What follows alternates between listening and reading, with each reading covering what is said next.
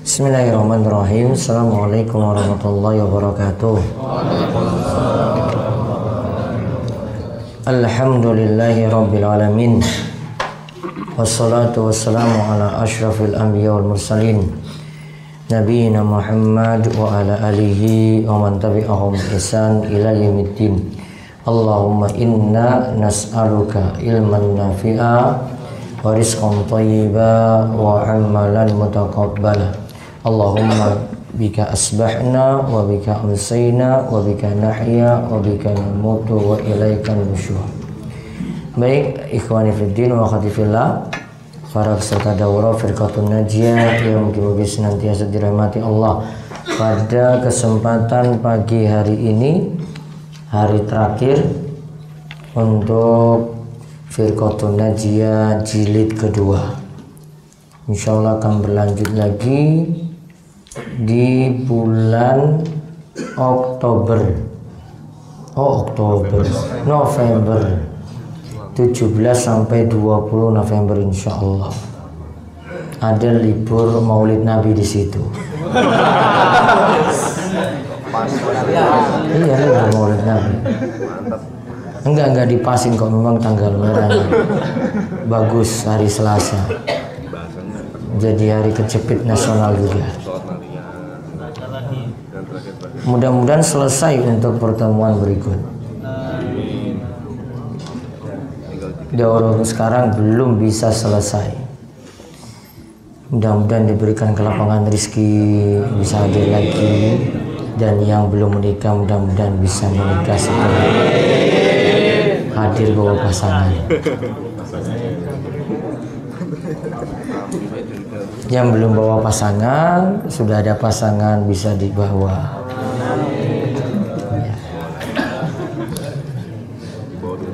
Baik, sekarang kita bahas bahasan keberapa? 36. Sesi berapa ini? 19.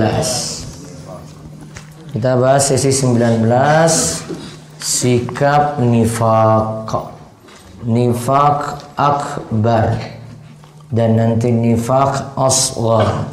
Kita lihat terlebih dahulu pembahasan tentang nifak atau kemunafikan.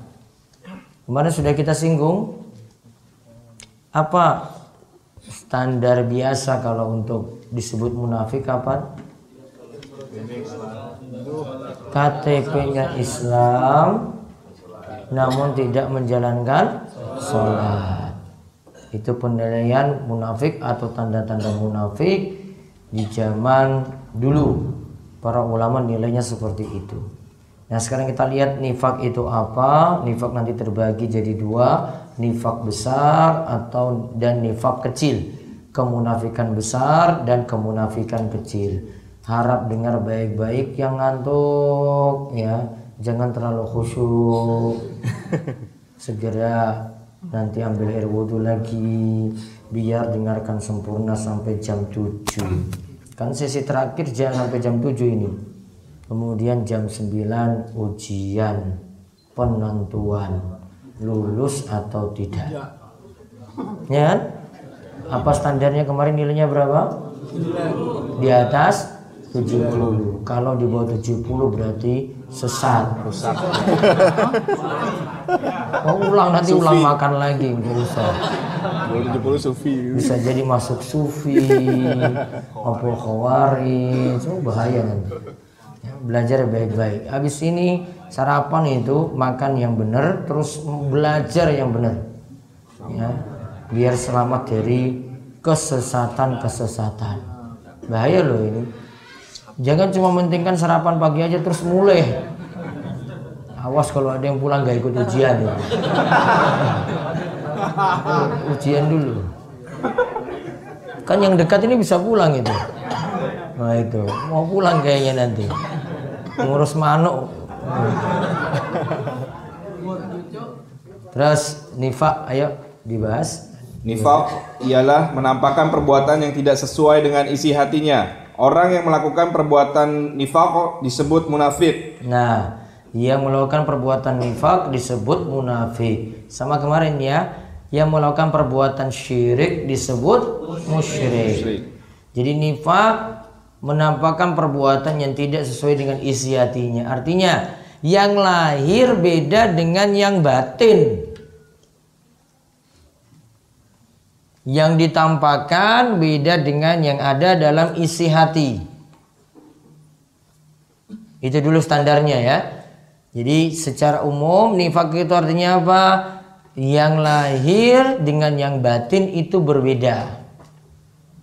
Yang nampak dengan yang ada dalam isi hatinya itu berbeda. Itu namanya munafik, orangnya munafik, sifatnya namanya nifak atau kemunafikan. Sekarang kita lihat dua macamnya. Nifak terbagi menjadi dua, yaitu nifak besar dan nifak kecil. Nifak besar, akbar, ya, dan nifak kecil, asghar. Nifak besar, nifak akbar, dan nifak kecil, nifak asghar. Terus satu. Satu, nifak besar, yaitu menampakkan keislaman dengan lisannya, tetapi sebenarnya hati dan jiwanya mengingkari. Yang termasuk perbuatan nifak besar ialah mendustakan Rasulullah Shallallahu Alaihi Wasallam dan ajaran beliau sama sekali, atau mendustakan sebagian dari seluruh ajaran yang dia sampaikan. Dua, membenci ajaran Rasulullah Shallallahu Alaihi Wasallam atau membenci sebagian dari ajaran yang beliau sampaikan. Tiga, merasa senang dengan kekalahan Islam dan merasa benci dengan tersebar dan menangnya Islam. Orang yang melakukan perbuatan nifak besar ini akan mendapatkan azab yang lebih berat dari orang-orang kafir karena bahaya mereka adalah lebih besar. Allah berfirman, sesungguhnya orang-orang munafik itu akan ditempatkan di dasar neraka yang paling bawah. Quran surat An-Nisa ayat 145. Karena itu di awal-awal surat Al-Baqarah Allah bercerita tentang orang-orang kafir hanya dengan dua ayat. Sedang tentang orang-orang munafik dengan 13 ayat.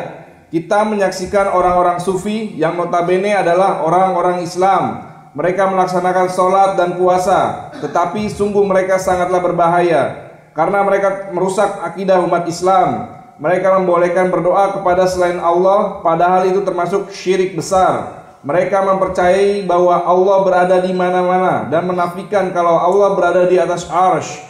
Semua keyakinan mereka tersebut bertentangan dengan Al-Quran dan hadis Sahih, sebagaimana telah dibicarakan pada bahasan sebelumnya. Lihat, Nifak pertama nifak apa?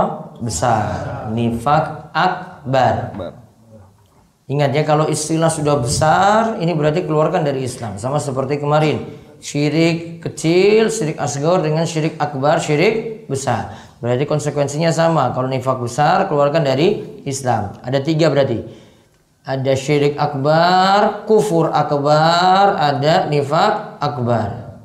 Kemudian ada syirik asghar, syirik kecil, kufur asghar, kufrun duna, kufrin, terus ada nifak asghar.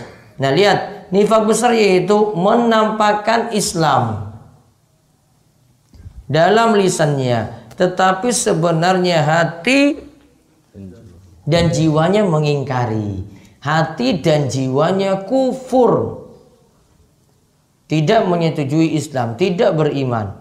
Namun cuma nampak dalam lisan saja, cuma nampak dalam lahirianya untuk jaga aman saja. Dan nifaknya orang-orang munafik di masa Nabi SAW seperti itu juga ada.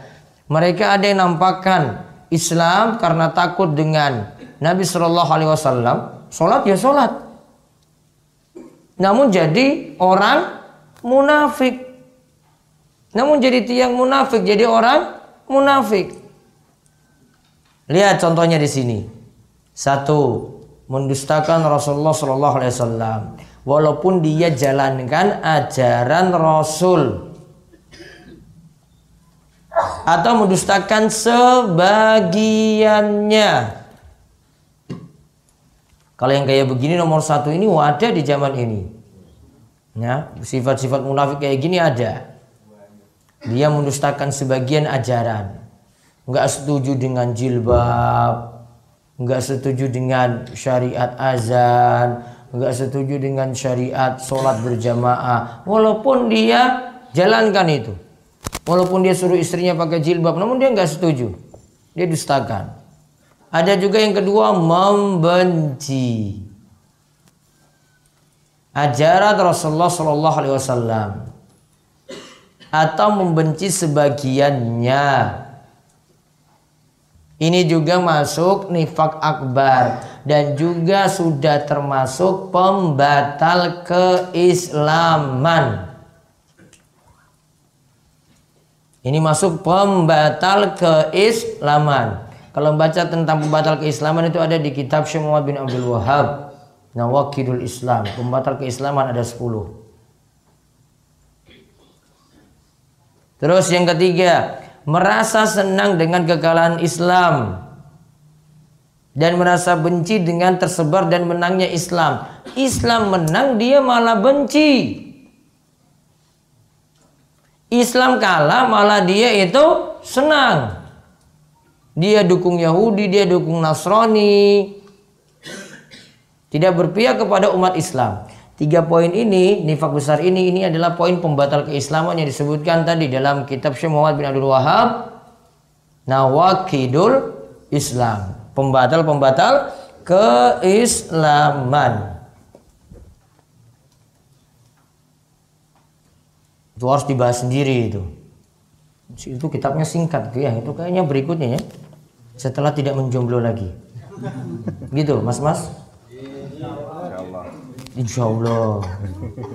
Orang yang melakukan perbuatan nifak besar ini mendapat azab yang lebih berat dari orang-orang kafir. Dicatat itu.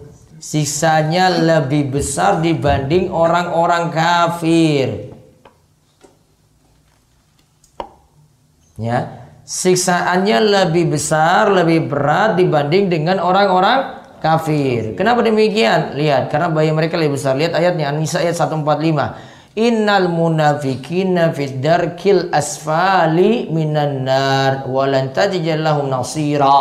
Sesungguhnya orang-orang munafik itu akan ditempatkan di dasar neraka. Ini neraka ini itu paling da dasar paling bawah. Berarti siksaannya itu paling besar. Karena itu di awal-awal surat Al-Baqarah Allah bercerita tentang orang-orang kafir hanya dengan dua ayat. Awal surat Al-Baqarah ya. Di awal-awal itu kan nanti diceritakan orang beriman dulu. Alif lam mim zalikal kitabul raiba fi hudal lil muttaqin. Alladzina amanu kan berarti orang beriman dulu. Habis itu tentang orang-orang kafir cuma dua ayat. Setelah itu lebih banyak lagi. Lanjut sedang tentang orang munafik 13 ayat. Bicara tentang orang kafir cuma dua ayat. Orang munafik 13 ayat. Berarti lebih parah mana? Munafik. Bahkan surat tersendiri yang membicarakan tentang kemunafikan surat apa? Al-Baro'ah atau surat At-Taubah. Yang panjangnya loh. Maka ketika membaca surat Al-Baro'ah, surat Al-Baro'ah atau surat At-Taubah tidak diawali dengan Bismillahirrahmanirrahim. Karena di situ lagi jelek-jelekan orang munafik. Ngapain menyebut nama Allah lebih dulu? Terus kita menyaksikan orang-orang sufi. Wah, ki sufi meneh ki. Yang notabene adalah orang-orang Islam. Mereka laksanakan sholat dan puasa. Tetapi sungguh mereka sangatlah berbahaya karena mereka merusak akidah umat Islam. Islam. Mereka membolehkan berdoa kepada selain Allah syirik besar. Mereka mempercayai bahwa Allah itu ada di mana-mana. Berarti yang keyakinannya Allah ada di mana-mana, keyakinannya orang mana? Sufi. Itu. Kalau nanti ada soal nanti jawabannya Allah ada di mana-mana, oh berarti masih sufi kamu. Harus nyatakan Allah di atas sana. Sebagaimana Allah membenarkan seorang budak wanita itu menyatakan Allah di atas sana. Di atas seluruh makhluknya. Semua keyakinan mereka tersebut bertentangan dengan Al-Quran dan hadis sahih. Maka Syekh Muhammad bin Jamil Zainu sebenarnya ingin menyinggung orang sufi itu sebenarnya masuk orang-orang munafik juga. Iya kan? Ngapain dia singgung di sini? Karena ngaku sebagai Islam, namun malah merusak Islam. Yang melakukan syirik-syirik besar ya orang-orang sufi. Yang kubur-kuburnya itu dihias-hiasin bagus sekali, dijadikan tempat ibadah di situ bagus sekali tempat ibadahnya. Ibadahnya di kuburan, kuburion, sufi. Ya. Jadi sufi itu benar-benar berbahaya. Sufi atau ajarannya itu tasawuf. Ada macam-macam tarekat. Tarekat nanti punya ya kebiasaan sendiri-sendiri. Nanti kuburnya juga dihiasi ya semau dia. Apa kubur yang terakhir kepada apa? Kubur apa itu namanya? Tumpeng ada yang tumpeng lah, ada yang dihiasi. Oh bagus. Rumahmu saja kalah dengan kubur mereka. Lampu, lampu. Rumah kita aja kalah itu. Luar biasa hiasannya. Kamar pengantin pun kalah itu. Sudah dia luar biasa sekali. Berlebih-lebihan pada kubur. Sekarang yang kedua, nifak kecil, nifak asghar. Seseorang dikatakan melakukan perbuatan nifak kecil bila dia melakukan sebagian perbuatan yang menjadi ciri dan karakter orang-orang munafik tulen. Rasulullah Shallallahu Alaihi Wasallam bersabda, tanda-tanda orang munafik ada tiga, yaitu dusta ketika berbicara, suka ingkar janji, dan khianat ketika diamanahi. Hadis ini mutafakun alaihi. Lihat, itu ciri. Berarti bukan disebut munafik tulen ya, namun ciri dan karakter Orang-orang munafik tulen. Namun disebut munafik tulen enggak? Enggak. Namun ciri-cirinya ada. Kalau ciri-cirinya sempurna ya jadi munafik tulen. Apa tanda-tandanya? Tiga di sini. Hadis pertama. Jika dia berbicara dusta, hoax terus. Ya, kalau dia itu nyebar berita hoax lagi, yo sama sifat-sifat orang munafik, gak mau ngecek dulu. Kalau berjanji, ingkar. Berarti nggak boleh PHP ya? Iya kan? PHP itu munafik nggak? Sifat munafik atau enggak itu PHP Hah? iya kan? Wah iya. Belum nikah sudah jadi uang munafik itu berarti. Perayu. Ketika diberi amanah malah khianat. Tiga sifat ini tanda-tanda kemunafikan. Dimiliki sempurna jadi munafik tulen. Terus Rasulullah SAW juga bersabda. Rasulullah SAW juga bersabda, ada empat hal jika keempatnya ada pada diri seseorang, maka dialah adalah seorang munafik tulen. Namun bila dari keempat itu hanya ada satu saja pada seseorang, maka dia hanya dikatakan memiliki sifat nifak yang mestinya dia tinggalkan. Keempat hal itu adalah dusta ketika berbicara, ingkar janji, khianat ketika mengadakan kontrak kerjasama, dan culas dalam berdebat. Hadis ini mutafakun alaih. Nifak kecil tidak menyebabkan pelakunya keluar dari Islam, tapi itu termasuk dosa besar yang harus dijauhi. At-Tirmizi berkata, makna nifak pada hadis di atas menurut para ahli hadis adalah nifak dalam perbuatan saja. Adapun nifak tulen adalah nifak yang mendustakan ajaran Islam seperti yang terjadi pada zaman Rasulullah Shallallahu Alaihi Wasallam dinukil dari kitab Zami Al Usul Juz 11 halaman 569. Nah lihat di sini juga disebutkan ada empat sifat di sini sifat munafik. Arbaun mangkun nafi kana munafikon khalison. Ada empat hal jika keempatnya itu ada pada diri seseorang maka dia adalah seorang munafik tulen. Kalau empat-empatnya ada, satu apa? Dusta ketika berbicara. Berbicara dia berdusta. Kemudian kalau berjanji dia itu ingkari. Kemudian kalau dia itu diberi amanah dia itu khianat. Kemudian yang keempat ketika berdebat dia itu berbuat curang. Nifak ini ini namanya nifak kecil. Beliau bercatatan di bawah tidak menyebabkan pelakunya keluar dari Islam. Bukan berarti jadi bohong, dia itu bohong terus kafir enggak. Cuma ada sifat atau ciri-ciri orang munafik. Makin sempurna sifat-sifat itu ada berarti jadi munafik tulen. Dan berarti kalau dihukumi nifak kecil sudah termasuk dosa besar. Itu diberi catatan itu. Tetapi itu termasuk dosa besar yang harus dijauhi. Berarti bohong itu termasuk dosa besar. Khianat itu berarti juga termasuk dosa besar. Kemudian ingkar janji juga termasuk dosa besar. Itu masuk al-kabair.